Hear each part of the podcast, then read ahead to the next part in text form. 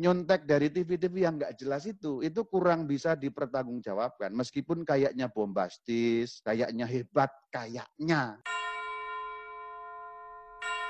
Nah contohnya pada saat berdoa, ya Allah Bapa begini, begini, begini. Terus tiba-tiba dia menutupnya sebab engkaulah Tuhan dan pengantara kami gitu. Ini kan doanya blunder sebenarnya.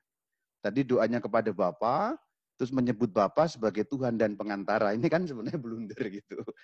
Maka eh, seorang Katolik perlu belajar berdoa dengan cara Katolik, yaitu cara yang Alkitabiah dan sesuai dengan ajaran atau tradisi liturgi gereja.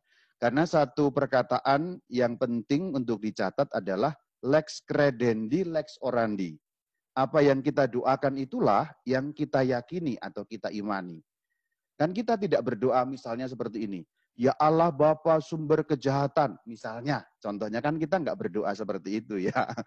Karena kita meyakini Allah sumber kebaikan. Jadi lex orandi, lex credendi. Maka doa yang yang yang baik misalnya contoh dalam menutup doa. Kadang-kadang orang Katolik malah pakai rumusan-rumusan yang aneh-aneh itu, yang dari luar-luar yang nggak jelas itu loh. Yang sering kali dari TV-TV, ya dari siaran-siaran, kayaknya bagus terus dicontoh gitu. Padahal gereja Katolik punya rumusan menutup doa yang sudah baku dan merupakan ajaran Katolik yang benar dan dipakai dalam liturgi dan Anda setiap minggu mendengar.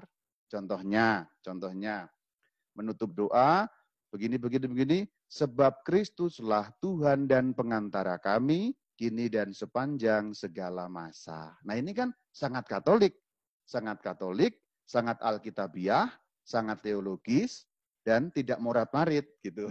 Daripada misalnya dengan rumusan yang aneh-aneh itu loh, yang dikutip-kutip dari televisi, dari mana-mana itu loh. Anda tahu yang saya maksud ya? Anda tahu yang saya maksud ya? Orang Katolik kadang ketularan yang aneh-aneh itu rumusannya bombastis, tapi belum tentu benar secara iman Katolik. Kalau mau yang lebih berpanjang-panjang itu bisa menutup seperti ini misalnya. Sebab Kristuslah Tuhan dan pengantara kami, yang bersama dengan dikau dalam persatuan roh kudus, Allah yang hidup dan berkuasa, kini dan sepanjang segala masa. Contohnya seperti itu. Itu sebenarnya Anda dengar setiap kali misa.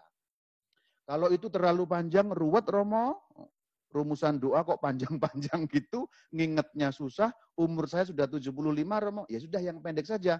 Dengan pengantaran Kristus Tuhan kami. Dah, Masa sependek itu nggak ingat? Pasti ingat lah ya. Nah, dengan pengantaraan Kristus Tuhan kami. Dah. Jadi jangan bingung menutup doa. Kalau mau pakai rumusan simpel cukup seperti itu. Dengan pengantaraan Kristus Tuhan kami. Demi Kristus pengantara kami boleh. Nah itu kan hanya berapa kata ya. Dengan pengantaraan Kristus Tuhan kami hanya lima kata. Demi Kristus pengantara kami hanya empat kata. Kalau mau yang kalau mau yang panjang, Eh, yang mau yang sedang ya tadi itu dengan pengantaraan Kristus, Tuhan dan pengantara kami yang hidup dan berkuasa kini dan sepanjang segala masa. Itu yang sedang.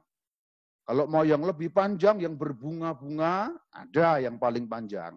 Sebab Kristuslah Tuhan dan pengantara kami yang bersama dengan Bapa dan Roh Kudus, Allah yang hidup dan berkuasa kini dan sepanjang segala masa. Itu paling bagus itu.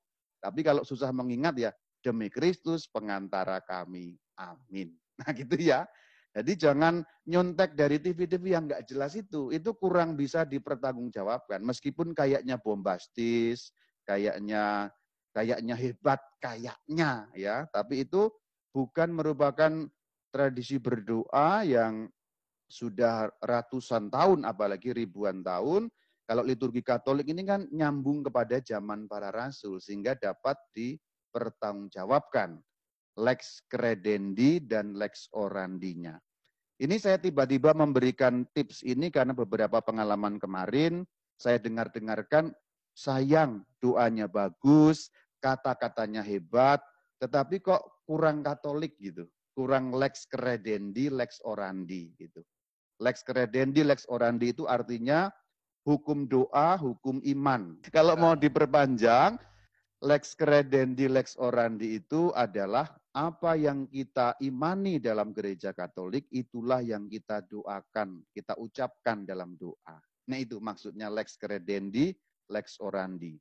Jadi rumusan doa sebenarnya tidak bisa sembarangan karena harus mengikuti apa yang digariskan dalam gereja Katolik meskipun itu doa sendiri, doa pribadi.